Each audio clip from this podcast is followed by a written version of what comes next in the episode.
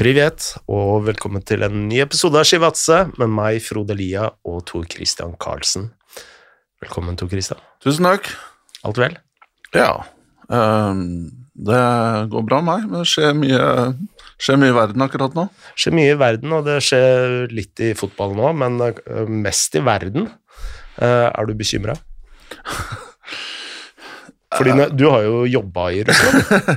Ja, det begynner å bli noen år siden, da, men ehm, Nå ble sånn skjelven i stemmen der, av en eller annen grunn. Men um, ja, det er jo Det er jo ikke noe hyggelig, da. Nei. Altså, nå har vi- jo vært blitt vant til stabilitet siste 30 årene fra øst. Mm. Og så begynner man med ja, retorikk og Ikke bare retorikk, nå har det jo på en måte Ja, det skjer jo forflytninger og grep som, som vi ikke har sett siden ja, holdt på å si Cuba-krisen. Mm. Så ja, vi Det, det er um, i hvert fall uh, verdt å følge godt med, tror jeg. Ja. Jeg har jobba mye med svensker, eh, og det som kjennetegner svenskene, det er jo at eh, de er såkalt gjerrige på krona. Eh, Er det noe eh, kjennetegn med det å jobbe med noen russere, f.eks.? Uh, nei, jeg, jeg kan jo bare egentlig uh, Jeg kan jo bare referere til Eller jeg jobba jo med russere i Monaco òg. Uh, jeg vil si jeg er ekstremt nøye på ting. Mm. Så alt skal liksom være etter boka, skal være riktig, skal være øh, Og ja, i Russland så er det jo sånn For at du skulle kunne jobbe der, så er det mye byråkrati, da. Så arbeidstillatelser og sånne ting, det er mye mye papirmøll og, Mm. Og sånne ting. Og jeg, jeg husker faktisk bare en anekdote fra det. Ta den kjapt. Jeg kom dit Det ble gjort ganske kjapt, der, og jeg var sammen med to andre som skulle også signere kontrakter som scouts, og det var to italienere. Um, og um, for, å, vi, for at du skulle få arbeidstillatelse, så måtte vi da søke om det. Um, og uh, den arbeidstillatelsen må være på originalspråk, altså det språket morsmål, da. Så jeg fikk ikke engang engelsk. Det skulle være på norsk. Um, eller det blir feil, altså den var på russisk, men den skulle oversettes av en som var offisiell norsk translator. Og det var jo ikke lett å finne, da. Og dette var en fredagskveld av en eller annen grunn, for dette skulle gjøres i løpet av helga, eller hva det var. Fordi russiske jula var i ferd med å starte, da, eller det er jo januar. Så dette her måtte gjøres unna.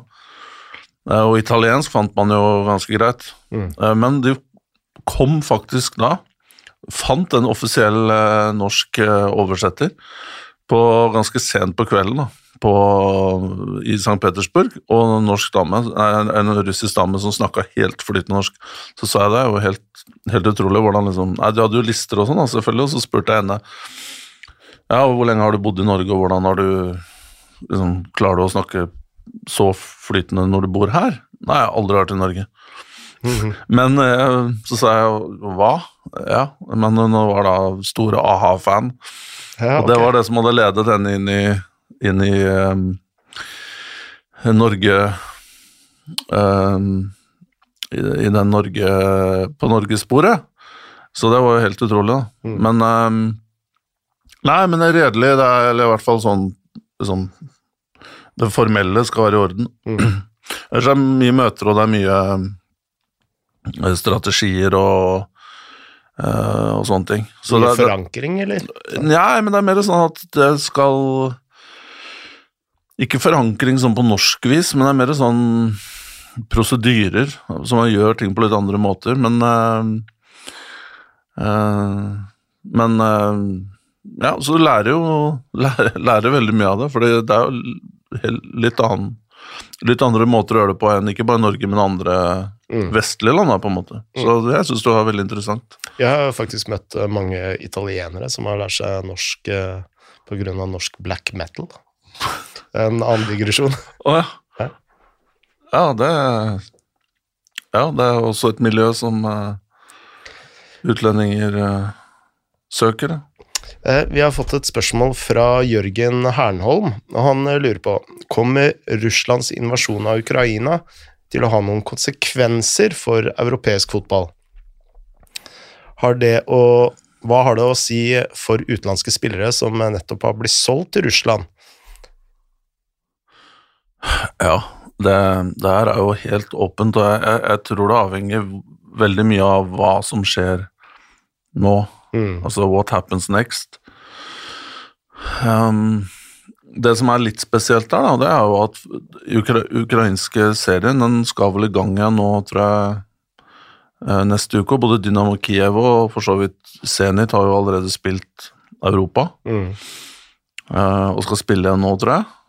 Eh, men jeg lurer på den ukrainske ligaen skal i gang og starte nå etter vinterpause, og det som er veldig spesielt der, er jo at Sjakta Donetsk så vidt jeg vet Jeg prøvde å Jeg snakka med noen kontakter og sånn i går, men de hadde heller ikke full oversikt på hva som skjer med Sjakta Donetsk, som er på en måte For det første så er det jo De har jo ikke spilt i Donetsk på mange år. Seks-sju år. Har ikke spilt der siden 2014. Ja, siden uh, første invasjonen der. Og den stadion ble jo truffet av av shells, da. Mm. Uh, og ble stygt uh, behandla. Fantastisk stadion, forresten, som ble bygd til Europamesterskapet et par år tidligere. Men det, den Sja- Sjakta Donetsk er jo på en måte en russisk klubb, da. Mm. Um, og Eller altså Det er jo ikke det, men altså på en måte russisk altså Man ser jo Donetsk i dag er jo russisktalende, Mm.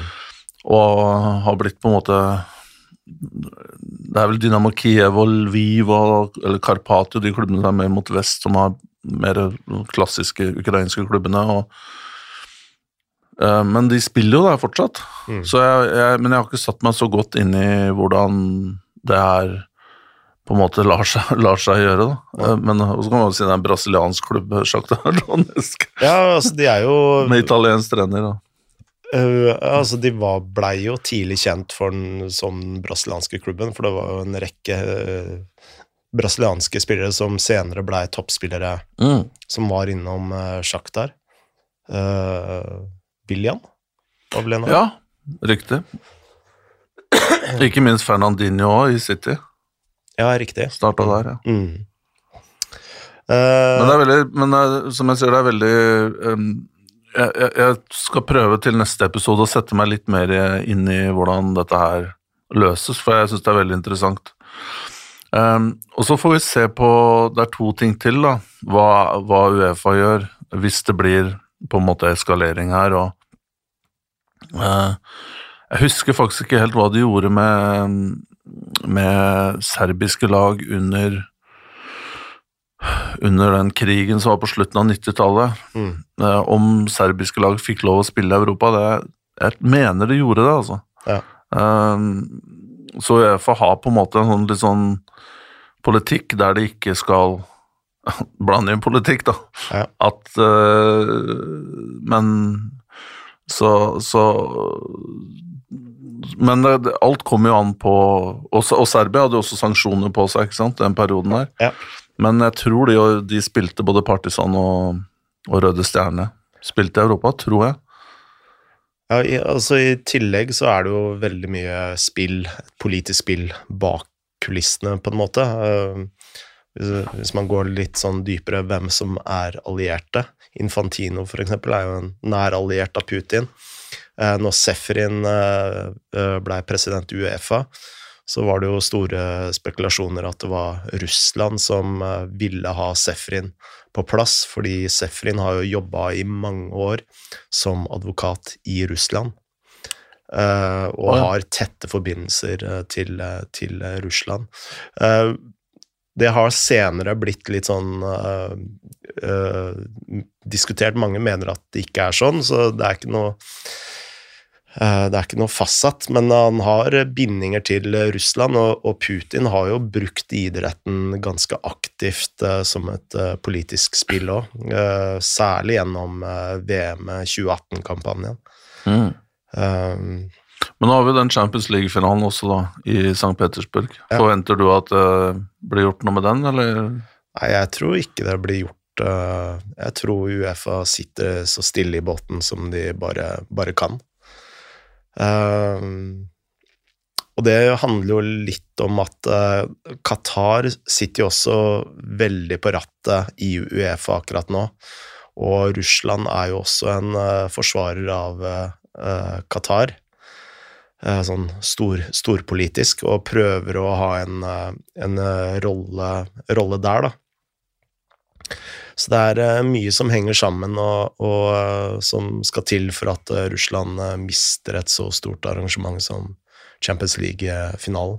Tross alt så kommer det jo mest sannsynlig ikke til å falle bomber i St. Petersburg heller, da. Nei, nei. Så Det er vel Men man ser jo, man tror jo med mange forskjellige sanksjoner her, og, Ja. og så det er vel Det er vel verdt å holde øye med, men det er jo ikke mer enn tre måneder, da. Til Mm. uh, blir det vel? Til Champions League-finalen. Ja. Men um, men for spill, spillere som går dit, så altså Noe har jo skjedd der i Russland, tydeligvis, da, etter VM. At um, um, At på en måte satsingen har, har falt, da. mm, Altså, du ser jo det er jo ikke på nærheten av de samme kvalitetsspillere som går til Russland, og som gjorde det på 2000-tallet, f.eks., Mm. hvor du hadde verdensstjerner eh, og store am- søramerikanske spillere gikk heller til Russland enn til Europa. mm, Det ser man jo ikke lenger. Um, nå er det jo nå, nå henter de jo fra De henter mye domestic, uh, egne spillere fra med russiske pass, og så henter de litt sånn i Øst-Europa, ser jeg. Eh, så har det jo kommet noen nordmenn dit. Det er interessant at det skjer eh, samtidig som eh, Kina også uh, slipper opp på sin uh, fotballsatsing. Ja, der uh, Der har de jo, etter det jeg forstår, fått beskjed om at man ikke skal Fra på en måte sjefen Ja, mm. har sagt at det ikke skal brukes penger én på klubber i utlandet, Mm. og to på disse vanvittige summene internt i Kina. Men eh, Ja, eh, hvis det her blir eh, Hvis dette her blir eh, vi, vi håper jo selvsagt at dette her er mer snakk enn det er alvor, og, eh, men det er klart hvis det blir mer anspent enn det er nå, og kanskje blir eh, blir eh, ja, mer dramatisk, så så er det jo tvilsomt om man kommer til å spille seriefotball da, Mm. i, i disse landene her. Spesielt Ukraina, hvor øh, hvor øh, øh, Ja, hvor Holdt på å si Som er kjernen av geografisk. Det er jo akkurat der det skjer. Mm. Um, Uh, vi har fått et annet spørsmål eh, som er litt knytta til, til det. Altså, spillere som spiller i Russland og uh, Tyrkia for så vidt. Dette er et spørsmål fra Lars Aksnes. Han lurer på er det normalt at utenlandske spillere lønnes i euro eller dollar fremfor lokal valuta? Og det er jo ganske aktuelt nå som mm, Rubaren har jo falt eh, betraktelig, jeg tror med nesten 30% det siste året, mot, eh, mot euro. ja, og den tyrkiske lira er jo helt vill. Ja, det, der er det jo hyperinflasjon, så det er ja. Uh, ja, det er eh, i hvert fall eh, ikke attraktivt. Det er altså Det gjøres litt på forskjellig vis i, i, i, i forskjellige land. Jeg er litt usikker på akkurat hvordan det gjøres i Tyrkia. Eh, og, og bare legge inn som en liten en liten uh, caveat her i starten òg, at det er jo noen steder du får pengene i en konvolutt òg. Mm. Uh, det skjedde i hvert fall veldig mye før, men det er klart, det er jo ikke Det er jo ikke noe Altså, som nordmann så er jo på en måte altså, Du skal ha med deg pengene til Norge etter hvert, og få dem da i en, i en bærepose eller en, i en eh, søppelsekk. Det er liksom ikke optimalt. Det krever mye logistikk, da. Jeg Har jo også hørt eksempler, dette blir jo digresjon, men jeg har hørt om spillere som har fått kommet til ny klubb, fått sign-on uh, fått sign-on-fee i cash, mm. lagt i hotellsafen, og så har den konvolutten blitt borte. For de som har gitt den, vet jo hvor den legges. Mm. Um, så det, det Men um, det som vanligvis gjøres, um, det er at du har, uh, du har en avtale på en sum, uh, om det er dollar eller euro. Mm. Uh, den blir konvertert da til, til uh, lokale ja. currencyen. Um, og på kontrakten så skrives vanligvis den lokale. Ja. fordi i visse land så har du ikke lov å betale i andre, andre valutaer. Jeg er usikker på om du har lov til å gjøre det i Norge engang. Det, mm. det skal gjøres i kroner, mm. tror jeg. Um, og da står det Det som da du kan stå i kontrakten, er at du skal ha tilsvarende La oss si at du har 100 000 dollar i måneden, da, som ikke er usannsynlig, mm. i Russland eller Tyrkia, og den summen av 100 000, de skal da um, utbetales hver 30. i måneden eller hva det er, tilsvarende daglig raten på mm. lokale currencyen. Så da får du akkurat den så den følger da på en måte um, valutakursen ja. Kursen, uh, hver måned. Mm. Noe av utfordringen her, da, det er jo at uh, hvis ikke du kan få pengene i store internasjonale valutaer, så vil du uansett tape en del. Litt på spreaden, ikke sant? Mm. For det, du vil jo ikke kunne veksle inn den til samme kurs som du har fått den utbetalt. Nei. Det, der er det jo disk, discrepancy på noen prosent. Og noen steder hvor det er hyperinflasjon, så må du nesten bare ta løpe til banken. Ja. Så ikke du så, så, ikke du på en måte de mister verdi mens du går til banken omtrent. Det er jo ikke sånn at folk går til banken og veksler lenger. Ja, det gjøres jo over nett, men, men um, det, du, mister i, du mister da litt i, i kjøp-salg, den spreaden her, og så mister du litt på fis og sånne ting. da. Mm. Um, men jeg, jeg, tror du får lov å holde Du kan jo veksle dem tilbake over i dollar eller eh, euro, og at du får lov å da holde penger. Eller sende ut av landet, da, eventuelt. Ja. Men her har du også et problem, da, hvis de nå blokkerer det med Swift, som har blitt nevnt. Ja. Uh, det har faktisk ikke vært en av de, uh, de tingene USA har trua med nå, faktisk. Nå kommer de til å gå i, etter kretsen rundt eh, Putin, har jeg sett. Men uh, hvis de går etter Swift, så blir det jo veldig interessant å se. Jeg så i hvert fall at uh, van de Leiden, eller hva han heter, um, Ursula, EU-sjefen, ja. hun bekrefta jo for noen dager siden at Swift var også on the table. Mm. Så ingenting som så, Men du kan jo liksom ikke hive ut alt med en gang. Dette her må jo komme i, i, i Porsjoner, ja. Ja, sånn så man har noe å true med. Mm. Um, men hvis det skjer, da, at man ikke får blokkere Hvis man vil nok kunne blokkere overføring av penger, så er det jo klart at det er ugunstig å sitte med store verdier i russiske penger. Mm. Og så må du begynne å se på bankene, og hvor, hvor har du disse pengene, og eh, kan de bankene bli, bli eh, Kan pengene dine bli konfiskert? Altså, hvem ja. vet? Så teoretisk, da, eh, som eh, Si du er norsk spiller i Russland, så kan faktisk pengene dine bli stuck i Russland. Ja, i hvert fall hvis du Ja, hvis det her eskalerer og mm. sånn at man blokkerer Swift og uh, at man skal gjøre det umulig å på en måte drive business med Russland, og det er jo hele poenget med mm. den type tiltak, så, så, er det jo klart at ja, da må du finne andre måter. Da må du ta Hive deg i bilen og, mm. og, og ta med deg en bunke. Uh, bare et lite spor jeg har lyst til å forfølge litt, uh, som jeg vet du klarer å svare på. Og jeg tror veldig mange lyttere tenker at uh, Ja, hvis du ikke kan eh, betale ut eh, lønn i, eh, i eh, dollar eller euro Si du er en uh, spiller fra Nigeria, for eksempel, da. Eh, hvorfor kan ikke vedkommende bare sende en faktura fra Nigeria på dollar eller euro? Og her er, er vi jo inne på regelverket om at uh, spillerne må jo faktisk være ansatt. Ja. Ja. ja, ja. Det er helt riktig. Og det er egentlig ingen måte å, å komme rundt. Nei, du, du, du, du må ha ansatt, og du må jo være Dette er med lisens og spille, spillertillatelse og Mm.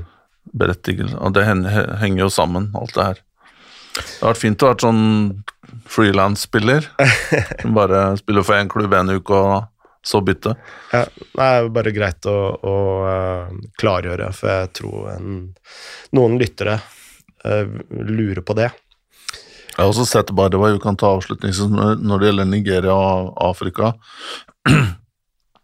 Så, så ser jeg jo Jeg har sett tidligere steder hvor, hvor det er afrikanske spillere som på en måte bare overfører De får lønn, ikke sant, og så overfører de penger hjem. Mm. Om det er til Nigeria eller andre afrikanske land. Og så bare De gjør det som bare fyller en kontonummer og off you go. Mm.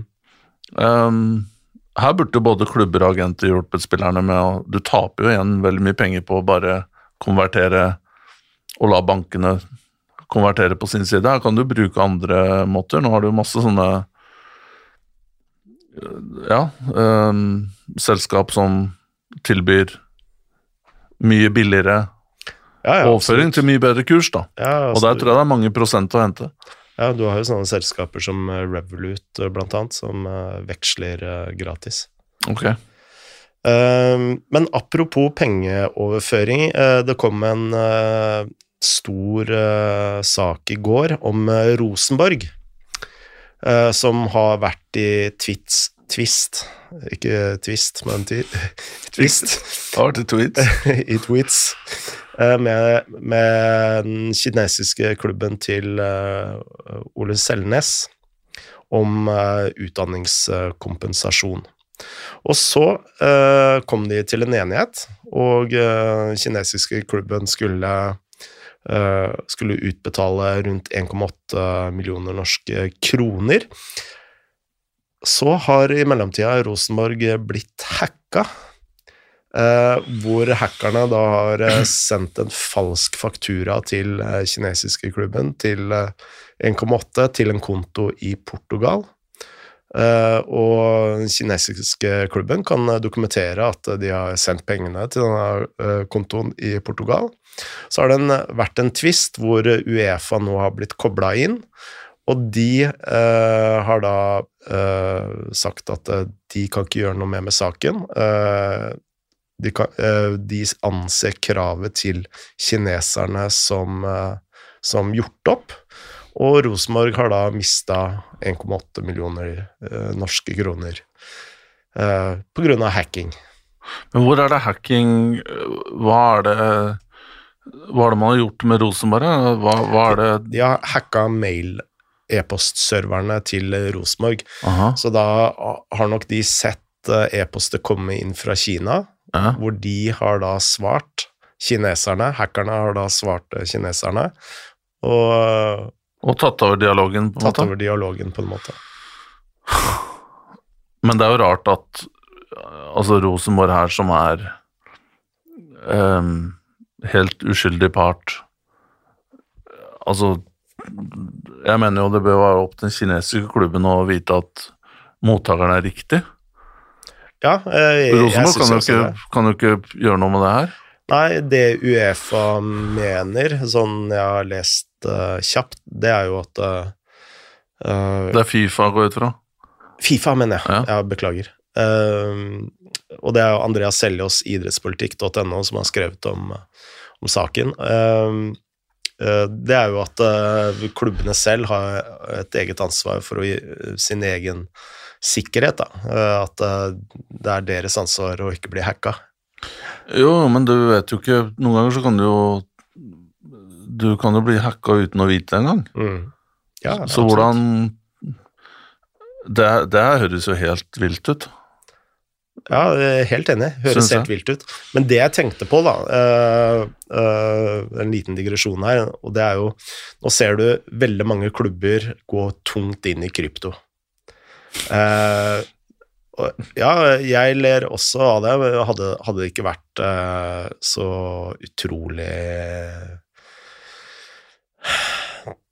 Jeg sy- syns det er veldig mange moralske spørsmål uh, knytta til akkurat det, da. og Mm. særlig nå som man også går uh, hardt inn i såkalte NFTs, uh, samlerobjekt og osv., osv. Og Uh, fan tokens og fan tokens og, Én En ting er at man uh, hadde vært ok med det hvis man hadde lansert det som et slags fanprodukt. Mhm. Det er jo ikke det de gjør. Altså, de lanserer det som et investeringsprodukt, mm. og da er du jo over i en helt annen verden. Mm. Um, men jeg tenker jo at det, det må jo være uh, tryggere måter å overføre penger eh, med ny teknologi som klubbene nå er i ferd med å adoptere allerede, enn eh, bankoverføringer som eh, når man ser og jeg, jeg har også uh, googla litt, gogla litt. Ja. Det er jo ikke bare Rosenborg som har blitt hacka, det er mange klubber som har blitt hacka for eh, store og små beløp uh, knytta til overganger og andre ting.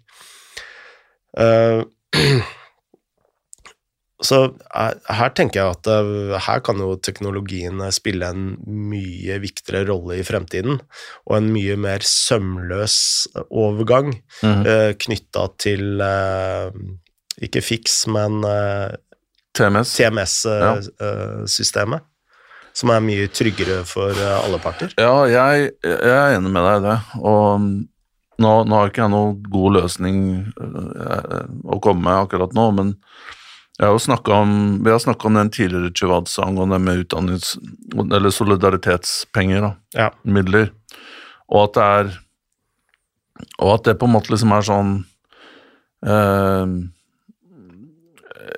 Ja, det er opp til klubbene å regne det ut, det er opp til klubbene å chase inn pengene, og, og så er det disse som så jeg fortalt om også fra disse advokatfirmaene i både, og et i Bulgaria og et i Berlin og et i Tsjekkia eller Slovakia eller hvor det er, Mm. som da holder øye med disse overgangene, og så, så forstår de såpass at når spillere fra f.eks. Brasil, små klubber, eller Nigeria er involvert med spillere, så um, så, så er de på saken. For de vet at de klubbene enten kanskje ikke eksisterer i dag, eller ikke har kompetanse eller kapasitet til å drive inn disse pengene selv. Så det er sånn ambulance chasers, som man kaller det på engelsk. Mm. Som, eh, og, og, og jeg og i klubber jeg har vært, så har man jo fått eh, e-mail fra disse her.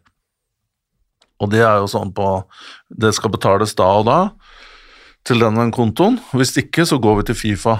Mm. Og, og det er tydelig også at mange av disse har eh, de, de har såpass erfaring med å drive inn disse pengene at de vet akkurat til hvem de skal gå i Fifa, f.eks.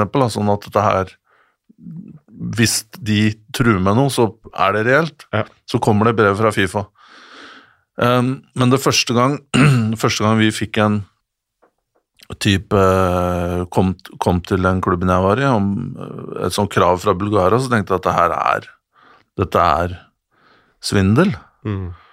Uh, og så begynte jeg å på en måte å sjekke ut er dette her liksom reelt i det hele tatt, og så viste det seg å være det. da.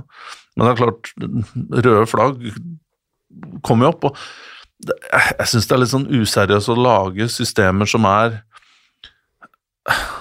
Fifa og Uefa, da, eller nå er det Fifa i dette tilfellet, lager på en måte systemet med god intensjon, og så er det opp til klubbene å police det, opp til klubbene å, å lage liksom Å måtte bruke masse, masse tid på det. Mm. Det, dette her i dag burde kunne liksom løses gjennom det du sier gjennom TMS, at alt liksom bare er Hvis Ja, hvis du er Du er i eh, Stabekk, og så kjøper du en spiller fra øh, fra Nederland, en, kanskje en fra Ga ghanesisk spiller fra Nederland, så får du bare med én gang opp liste disse klubbene har vedkommende vært i. Mm. Dette er solidaritetspenger. Jew, sånn og sånn og sånn. Mm. Skal betale sånn og sånn. Og gjerne hvis du har en løsning med at du liksom bare kan trykke, så, Mm. så, så går pengene til, Sømløst. ja, til de riktige kontoene. Mm. Det sånn som det er nå, så er det fryktelig enkelt å svindle og lage forvirring og Ja. veldig uoversiktlig. Jeg kom i skade og, si Og bruker vanvittig mye penger på det, Frode. Nei, mye tid på det. ja. På dette her. Jeg kom i skade å si at det var utdanningskompensasjon, men det var solidaritetspenger, selvsagt. Riktig. Eh, bra. Uh, Men det med krypto, bare ta en ting om det, og se på disse engelske draktene og Eller ikke bare i England, nå er det jo over hele Europa. PSG er jo veldig aggressive nå om dagen.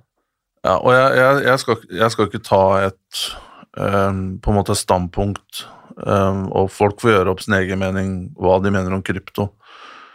Um, om det er uh, fremtiden, eller om det er uh, pyramidespill. Mm. eller bare et spekulasjonsobjekt. Men i den Jeg vil si så lenge det på en måte er tvil om hva det faktisk er, Um, de tre tingene der, så syns jeg det er uansvarlig å på en måte dytte dette her ut til supportere og til å fronte det, egentlig. Ja, helt enig.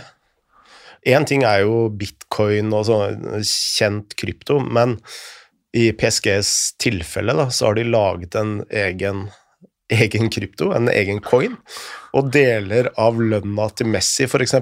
blir utbetalt i denne kryptoen. Ja, det er, men det er sånn uh, en halv promille eller noe sånt sikkert, da. Godt mulig, men det er, det er jo for å, å, Ja, for å få supporterne Ja, ja, klart. Og igjen, det er jo liksom sånn Jeg vet ikke, jeg, jeg bare syns det er Ja, altså ytterst, Ytterste konsekvens og på en måte Hvis du ser bare, bare ser på Det er hundrevis av forskjellige kryptovalutaer, ikke sant? Mm. Kanskje tusenvis. Og hvis du går inn og ser på dem, så ok, de følger stort sett bitcoin, ikke sant, som er på en måte eh, Så hvis bitcoin stuper, så stuper de andre stort sett, da, men men noen er det veldig lite lik lik likviditet i, så de hopper liksom opp og ned. Ja. Eh, men det er jo ekstremt volatilt. Mm. Så sjansen da for at selv om kanskje krypto er fremtiden, og noen vil tjene litt penger på det pga. spekulasjon, Mm. så er jo sjansen for å Sjansen for at du ender opp med å tape veldig mye penger, er stor, da. Mm. Og at det tapet der er kanskje greit at du Det frontes av en eller annen eh, person på TikTok eller sånne ting. Mm. Da, liksom, da får det bare være sånn, hvis du velger å høre på folk fra TikTok Ja. og mene at det er ditt du skal Det blir som å lese Twitter og lese deg opp på Ukraina-Russland-situasjon. Mm. Altså nå, nå jo, Eller å, å, å lese om Trump-folk eh, mellom amerikansk politikk. Mm. Ok, du får velge selv om du mener dette er Hvis ikke du har noe greie på det, om det er der du skal gå inn, eller om du skal liksom begynne med Kanskje med begynne i historiebøkene Mm. og starte der. Og det er litt det samme med krypto. Kanskje du skal starte i, i Ta et lite kurs i, i eh, Eller lese seg opp og starte med Piketty eller Adam Smith eller hva du vil. Men poenget mitt eh, Det at fotballklubben din, på en måte, som har lurt deg ut dette her, Mm. hvis det går åt skogen, som det er en mulighet for at det gjør, så er liksom det tillitsforholdet her er også fucked, da. Mm. Selv om fotballklubben vil jo si ettertid ja, men det jo, står her stor skrift, egen risiko, men det er ikke sånn på en måte du skal Jeg syns ikke det er en relasjon du skal ha med supporteren din, da. Nei, helt enig. Helt enig. Eh, jeg syns det er eh, Og, det, og med betting, reklamer og poker og alt mulig over disse draktene. Ja. I hvert fall kanskje jeg er gammeldags, men det Jeg syns ikke all verden om det.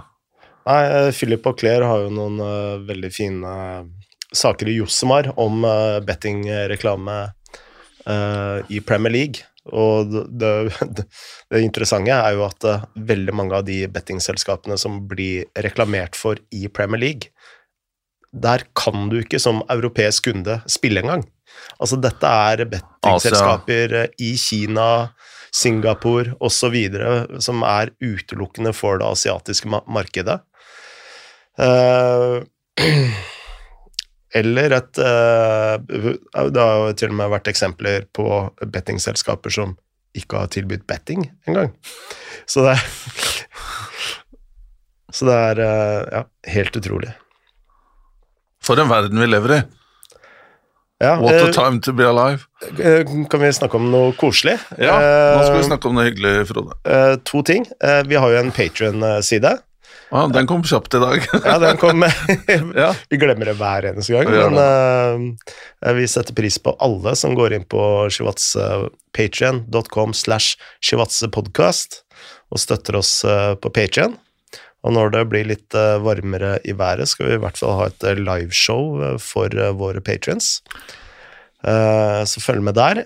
Um, og vi kommer av og til med noen unike episoder også på mm på Patrion. Og det kommer det mer av fremover. Ja. Uh, hyggelig ting nummer to. Uh, Celtic uh, Bodø-Glimt. Og vi har jo fått en del spørsmål om uh, Bodø-Glimt, og vi snakka jo mye om uh, Bodø-Glimt sist, men vi har fått et spørsmål fra Bjørn Rudsagen. Hvor langt kan Glimt gå i Conference League? Og så har vi også fått et spørsmål fra Mathias Rishaug. Hva bør bli det neste steget til Kjetil Knutsen sin karriere? Premier League? Spørsmålstegn. Vi starter med det første der, da. Ja. Nei, altså Det som er veldig klart nå, da, at um, kanskje Celtic var det siste laget som gjorde det, mm. og at, at, de undervurderte bitte litt Bodø-Glimt. Mm. Um, og Bodø-Glimt var jo for så vidt ganske effektiv i den kampen her, da. Men igjen, de spiller jo fantastisk fotball. Altså to første målene der, og så er det litt flaks.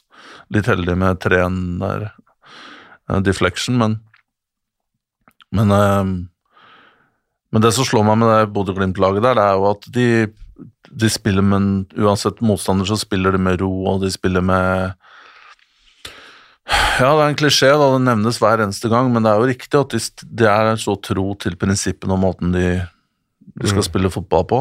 Ikke bare, men, men jeg syns også det er at man skal legge til at spillerne har den roen. Og, og det er jo veldig få der ute som har noe spesiell erfaring på europeisk nivå. Og om det er hvor nå de spiller, så er det Så, så virker det ikke å plage dem i det hele tatt. Um, jeg har sagt det før òg. Spesielt da med tanke på de utskiftningene det har vært der. Du mister fire Hva er det? Lode og Patrick Berg, Bjørkan og Botheim. Mm. Fire store spillere, tre landslagsspillere. Um, og så går du ut og vinner 3-1 på Celtic Park. Det er, det, er, det, er, det er, jo vanskelig å det er, vanskelig å forklare det. Mm. Altså Og vi har snakka om det tidligere og igjen, at uansett hvem du dytter innpå, så er det liksom Spiller de på samme måten og har de samme Elias Hagen er jo tatt over for, eh, for Patrick Berg. og mm. Ser ut som omtrent den samme spilleren. Bryce på venstrebekken var jo som har gjort det i 100 år. Ja, ikke minst. Og han har jeg alltid tenkt uh, Har han nivået inne for Glimt? Uh, jeg, jeg, har alltid syntes han har vært litt sånn rotete spiller. Ja, men han, han har vært uh, holdt godt øye med han. han var jerv og var veldig god der, og så var han veldig god i Sandefjord òg, mm. må jeg si. Så jeg er ikke så superoverraska over det, men, men, det at dirigent med Patrick Berg, som på en måte styrte midtbanen der og regisserte, at Elias Hagen skal komme inn der og opptre litt på samme måten, uten at på en måte du savner Berg, Det er jo veldig, veldig spesielt. Jeg kan, jeg kan nesten ikke huske du, du, du, kan huske at Ajax har gjort sånne ting, f.eks. Mista generasjonen med gode spillere, og så kommer det fordi de Mm. har De har disse prinsippene der, og de har kulturen og de har akademi til å løfte opp spillere hele tiden. Men at det skal skje i Norge og Bodø Mm. Hadde vært i Rosenborg, så er det én ting, da, men dette er, dette er i Bodø. Uh, hva Er det så enkelt som Kjetil Knutsen, eller er det et eh, større svar på, på det hele?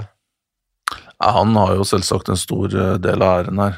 Um, men jeg, jeg har jo ikke vært der oppe, og jeg har ikke studert på en måte da, jeg får være der i en måned og se hvordan prate med dem og se noe. Mm. Men jeg, det får jeg vel ikke anledning til, men det um, Og det er jo kun de som har vært med på den reisen der, da, fra Kjetil Knutsen kom inn og kanskje det opprykket der i 20, 2017, var det vel. Um, det er jo egentlig bare de som som vet svaret på det her. Men det som er litt spesielt, da, det er at jeg husker jo veldig godt i den For jeg kom jo tilbake til Norge her i 2017, og vi, vi rykka jo opp sammen med Bodø-Glimt det året der. Med start, og da husker jeg det var liksom veldig dårlig stemning i Bodø-Glimt. Og i avisa Nordland så var det mye sånn skriverier om interne problemer der, og jeg husker ikke akkurat hva det var, men folk fra Bodø ville jo selvsagt huske dette her. Så Var dette før Knutsen kom inn? Da? Ja. Det var da Bjørkan var eh, ja, jeg tror det, eller om Knutsen nettopp hadde kommet inn. mm. Men jeg var i hvert fall tilbake her i Norge, og det var på denne høsten der jeg tror de rykka opp. Og da var jeg sånn fuck, Bodø-Glimt rykker opp veldig veldig klart, da, men det virker ikke som det er noe særlig harmonisk i den klubben der. Ehm, og da Så det bare overraska meg at de går fra det stedet der til liksom bare å Fremskritt og fremgang kontinuerlig over flere år. Mm, ja. Så akkurat i den fasen der så må det ha skjedd noen grep, og man har gjort ting som eh, har vært veldig gunstige for klubben. da. Mm. Men hvor langt kan de komme med Europa League? Nei, i conference, hvem vet? da? Nå har ikke jeg helt oversikt over hvilke lag som er igjen der. Mm. Jeg vet ikke om du eh, sitter på det, men eh, jeg har ikke fulgt så veldig godt i den eh, i den eh, Men Roma er jo fortsatt med der, men det jo, de, de har jo allerede fått uh, Ja, Fått- altså fått det er jo eh, Renn er med, tror jeg. ja, Midtjylland, Paok, Sparta, Partisan uh, Fenerbahçe, Slavia Pr- Praha. Eh, så det er jo absolutt eh, muligheter her for uh, Bodø-Glimt. Ja, Roma og Renn. Må, Roma, ja. ja. må være der. Mm. Union Berlin, ikke minst. Ja, så det er jo Men Men jeg er vanskelig for å på, jeg, jeg setter ikke penger Nå spiller ikke jeg uansett med penger, men eh, jeg, jeg ville ikke satt penger mot Bodø-Glimt på noen, noen av de lagene her jeg nå, i hvert fall. Nei, altså, jeg, jeg er jo med i en uh, Odds-podkast, og de to herremennene som uh, jeg har den podkasten med, de, de skulle jo nærmest sette hus og hjem på, på Celtic. Og uh, det gjorde ikke jeg, for å si det sånn. Og det handler nå om altså, Jeg tror lag som har et veldig sånn fast spillemønster, da. Du så det veldig uh, godt på Bryce. Uh, hvordan han uh, tidligere i Sandefjord gikk mye på utsida, litt på innsiden, men hver gang han mottok ballen nå, så går han innover i ballen med en gang, når han Mm. motsatt retning av presset til en Celtic-spiller. da. Ja. Det gjorde jo Bjørka nå, selv om han var venstrebent. Ja, eh, nettopp. Eh, Så det, er et eh, Og den frispillingsdelen til Bodø-Glimt er noe av det beste jeg har sett et norsk Mm. lag prestere noensinne. Det er jo helt fantastisk, men det virker jo veldig fast da, og veldig innøvd. Og da blir det kanskje lettere for spillere komme inn i de rollene, da, Ja, ja. du har liksom fått den, den eh, terpinga. Men eh, av det jeg har snakka med folk rundt Bodø-Glimt, så var eh, Når Kjetil Knutsen kom på plass, så var han den siste brikken som falt på Det var et korthus som hadde vært bygd opp sakte, men sikkert over flere år. Men Kjetil Knutsen var den siste brikken de mangla, da. Og når de skulle hente en ny trener så hadde de på, på tavla én ting. De skulle ha en hærfører på treningsfeltet. Det var den uh, typen de skulle ha, og uh, den rollen fylte jo Kjetil Knutsen ut til punkt og prikke, kan man si. Så Nei, neste fra han ja, nå, har, nå, har, han jo Nå har han jo skrevet en ny kontrakt da, med Bodø-Glimt. Um, det er klart To seriegull, um, to europaeventyr, det ene villere enn det andre. Um, nå blir det jo rapportert om at han fikk en veldig god lønn uh, som en del av den forlengelsen der. Um, så det vil jo si at det sikkert er vanskeligere å lokke han vekk da, mm. fra Bodø. Um, jeg lurer på om han er eh, Han er vel sånn 53-ish, tror jeg, rundt der. Så det er klart, hadde han vært 33, eh, så hadde det nok vært mer eh, aktivitet, på en måte, mm. rundt han. Noe som er litt Noe som er, egentlig er litt urettferdig, for det um, det, er, det er jo faktisk sånn i fotball at hvis du skal til større klubber eller store klubber der presset er stort, så er det også smart å ha med deg en del ballast og erfaring, og, og du håndterer ting på litt andre måter, kanskje i slutten av 40-årene eller 50-årene, mm. som du hadde gjort når det er i 30-årene, hvor du blir fort ganske manisk og stressa over ting. Mm. Helt naturlig. Um, men hvem vet? Det er klart, hvis, hvis de kommer langt i Dette blir jo lagt merke til. Mm. Um, men jeg vet ikke om han har ambisjoner til å uh, til å gå noe annet sted. Nå signerte han tre år eller hva det var i Bodø til Han er vel den best, uh, best høyst gasjerte treneren i Norge med ganske stor margin, da, vil jeg tro, nå. Mm. Så jeg vet ikke hvor, hvor interessant det er å for det, da begynner du å ha mye å ta på, da. Det er jo ikke mm. sånn at du skal på en måte rett inn i Premier League, kan du glemme. Du, de henter ikke en trener rett fra Norge. Um, litt fordi også det ikke helt det er, det er, for vanskelig å sammenligne hva du har utretta i Norge og Premier League. Det er så to forskjellige verdener, så du vet ikke om det Det er umulig å si om det er overførbart. Mm. Kan være det, men det kan også være at det ikke er det. Det var vel litt skriverier om Norwich, men eh, det var kanskje ikke så rent. Det var Villa og Norwich, ja. men om det var mer sånn bookmaker som bare la sammen to pluss to og fikk 500, det er jo godt mulig. Mm. De slenger jo bare ut ting, og så ja. hiver folk seg på, liksom. Media òg. Men um, Klikker skikkelig, uh, skikkelig bra. Men at, men at, Jeg kan tippe at han har hatt tilbud allerede fra sånne land som Hellas. Tyrkia er alltid noe tilgjengelig. Mm. Der eh, Og kanskje andre østeuropeiske land hvor det er en del penger, da. Det vil jeg tro han har hatt. Mm. Men der har vel han da sikkert tenkt at det er bedre å være i Bodø. Uh, jeg har fått et uh, spørsmål fra Magnus uh, Fjell, som lurer på det nye Champions League Eh, systemet til Uefa. Så lurer han på også sånn kvalitetsmessig hvor god er de to-tre beste lagene i Norge sammenlignet med andre toppligaer? Er Eliteserien inne blant topp ti-ligaer? Eventuelt, hvor er vi, og hva mener dere at eh, de ti beste ligaene er gjerne i rangert rekkefølge? Det veit jeg ikke om vi skal ta sjansen på, men uh, Eh, men eh, dette er eh, litt relatert til Bodø-Glimt òg. Altså hvis du ser på den klubb-rankingen da, som man tar utgangspunkt i for å være kvalifisert til Champions League, som er de topp elleve nasjonene, hvor nasjon 11 sin ligavinner faktisk må ut i kvalik. Mm -hmm så ligger Norge nå på en 17.-plass. Og det er eh, ganske mange steg opp fra 24.-plass, som vi var for eh, to år siden.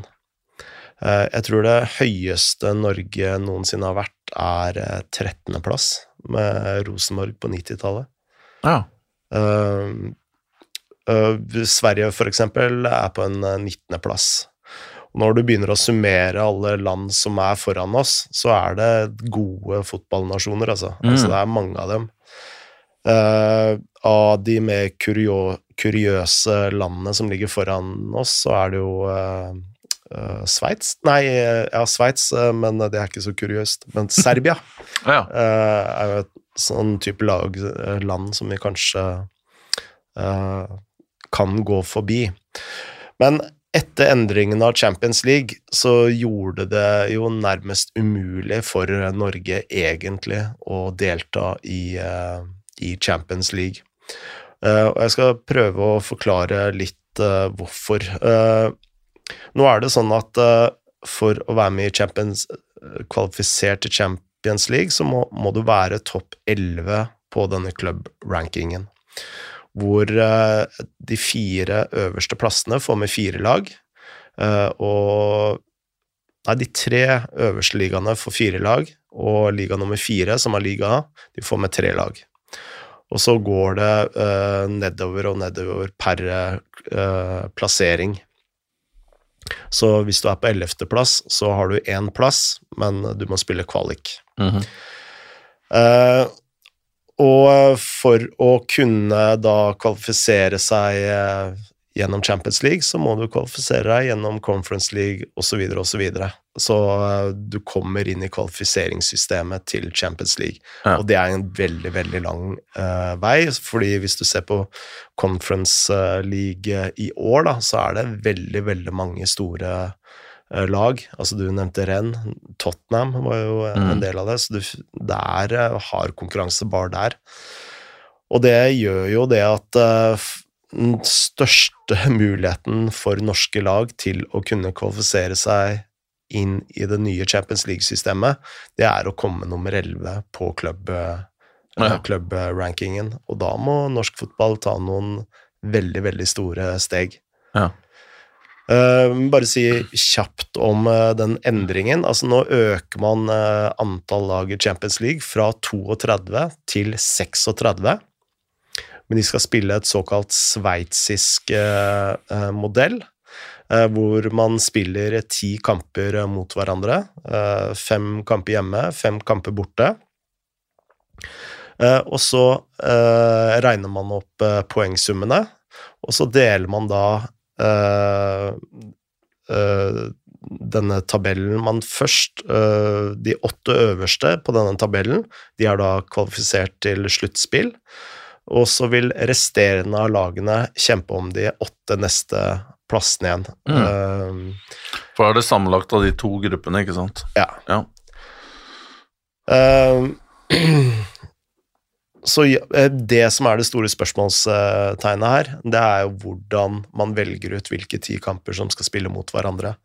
Om det er da eh, en rangering, eller om det er eh, varme kuler i en boks, osv. Og, så og det er jo litt spennende, fordi spørsmålet er til Magnus da, om eh, dette vil gjøre det mer underholdende. Og, og, da tror jeg at eh, for å svare på det, så må man også vite hvordan disse kampene blir valgt ut. Ja. Hvis det blir tilfeldig valgt ut, så tro, ja, da tror jeg det kan bli mer underholdende. Men hvis det er et sånt rangeringssystem at si Manchester City, som er nummer én, da møter det dårligste av de 36 lagene, mm. så mister man jo en del av underholdningsverdien. Ja. Nei, det er jo lett å være Det er jo lett å tro, holdt på å si, det verste mm. før man går inn i sånne ting. Um, men, det, men, det, som er sikkert, da, det er jo at uansett hvordan man reformerer og, og, og justerer disse konseptene, så er det jo de store som får mer og mer av potten. Mm. Det er jo hele, hele poenget. Og så har man på en måte kasta eh, conference som en sånn scraps da, til de små, ja. til å fighte litt med. Ja. Så, men det er, det er, som du starta med, Frode, så er jo det nye konseptet er jo liksom, Det er jo en dødsdom for de små ligaene Mm. Når det gjelder Champions League. Det er det eventyret vi hadde med Rosenborg på 13 Var det 13, eller? Konsekutiv. Ja. Sesonger, det kommer vi aldri til å oppleve igjen. Nei. Nå har du jo Serif Det uttales faktisk sånn, ikke Sheriff, men Serif Tiraspol. Ja, da lærte jeg noe nytt. Ja, jeg sa sheriff uh, senest i går. Ja, det er mange, men det er, det er jo på en måte en sheriff og en stjerne av det, men de uttaler det serif, da. Ja.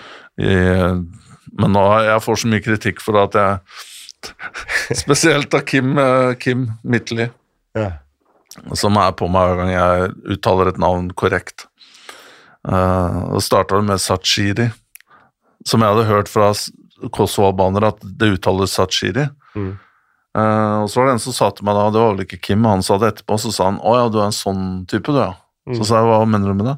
Nei, du sier Sachiri og ikke Sa Shakiri. Ja, ok, så da er jeg, fordi jeg prøver å uttale det riktig, så er jeg en sånn type? En hovenvenn. Ja, nei, på en måte det mener jeg er en slags respekt å prøve å si det på den måten som det skal sies, da. Ja. Men uh, det er delte meninger om det her, Altså, Jeg får leve med å være snobb. Men, uh, men uh, Serif Tiraspol er jo kanskje siste eventyret vi får være vitne til. Da. Men jeg tenker jo at um, en fornuftig målsetning som jeg har sett NTF eh, operere med, det er jo at vi skal opp på nivå med med på en måte Danmark. Du nevnte Sveits. Mm. Um, jeg syns ikke vi er noe dårligere enn Østerrike. Um, naturlig land å sammenligne seg med. Jeg tror vi er, vi er bedre og har vel kanskje en bedre record, selv om RB nå har blitt bra da, av investeringer. Uh, og så har du Belgia, som er litt sånn uh, i det sjiktet som kanskje ikke vi kommer til å klare å fighte med, men at vi skal være på nivå med Danmark, da, og på en måte klare å strukturere fotballen også litt på samme måte som de gjør i Danmark, med, eh, med, med høyere lønnsnivå, bedre kvalitet på, på akademiene og bedre kvalitet på, ja, på spillerutvikling, og Mm. kanskje også bedre kvalitet på de spillerne som kommer inn. Bedre trenerutdannelse, kanskje, som mange, mange ting. Så man kan vinne noen prosent på, da. Danmark er for øvrig nummer 11 på den samme klubb-rankingen. Og Østerrike nummer 8. Østerrike kommer så høyt opp, Mm, de er foran Sveits. så rart. Det må være bare av RB, da. Ja. Det er jo ikke noe annet lag som har Nei, altså det, men det teller jo så mye Champions på disse rankingene. Ja. Mm. Men det blir litt sånn RB på en måte representerer Salzburg, er, representerer jo på en måte ikke en sveitsiske. Det er litt sånn sin egen greie, da, på en måte. Ja, og det er jo åpenbart en svakhet i den rankingen, på en måte. Ja, Ja. Men nå er det uh, en gang den rankingen Ja. legger til grunn, da, så Så det må vi leve med. Jeg lurer på om vi skal eh, runde av, jeg. Eh, vi er tilbake neste uke. Kanskje en, en spesial i løpet av helgen òg. Hvem vet? Hvem vet? Utrolig hva vi får til. Få følge med på Patrion. Og da sier vi som vi alltid sier her i, i Shivats uh, Tor Christian, privet og das vedanja. Moderne media.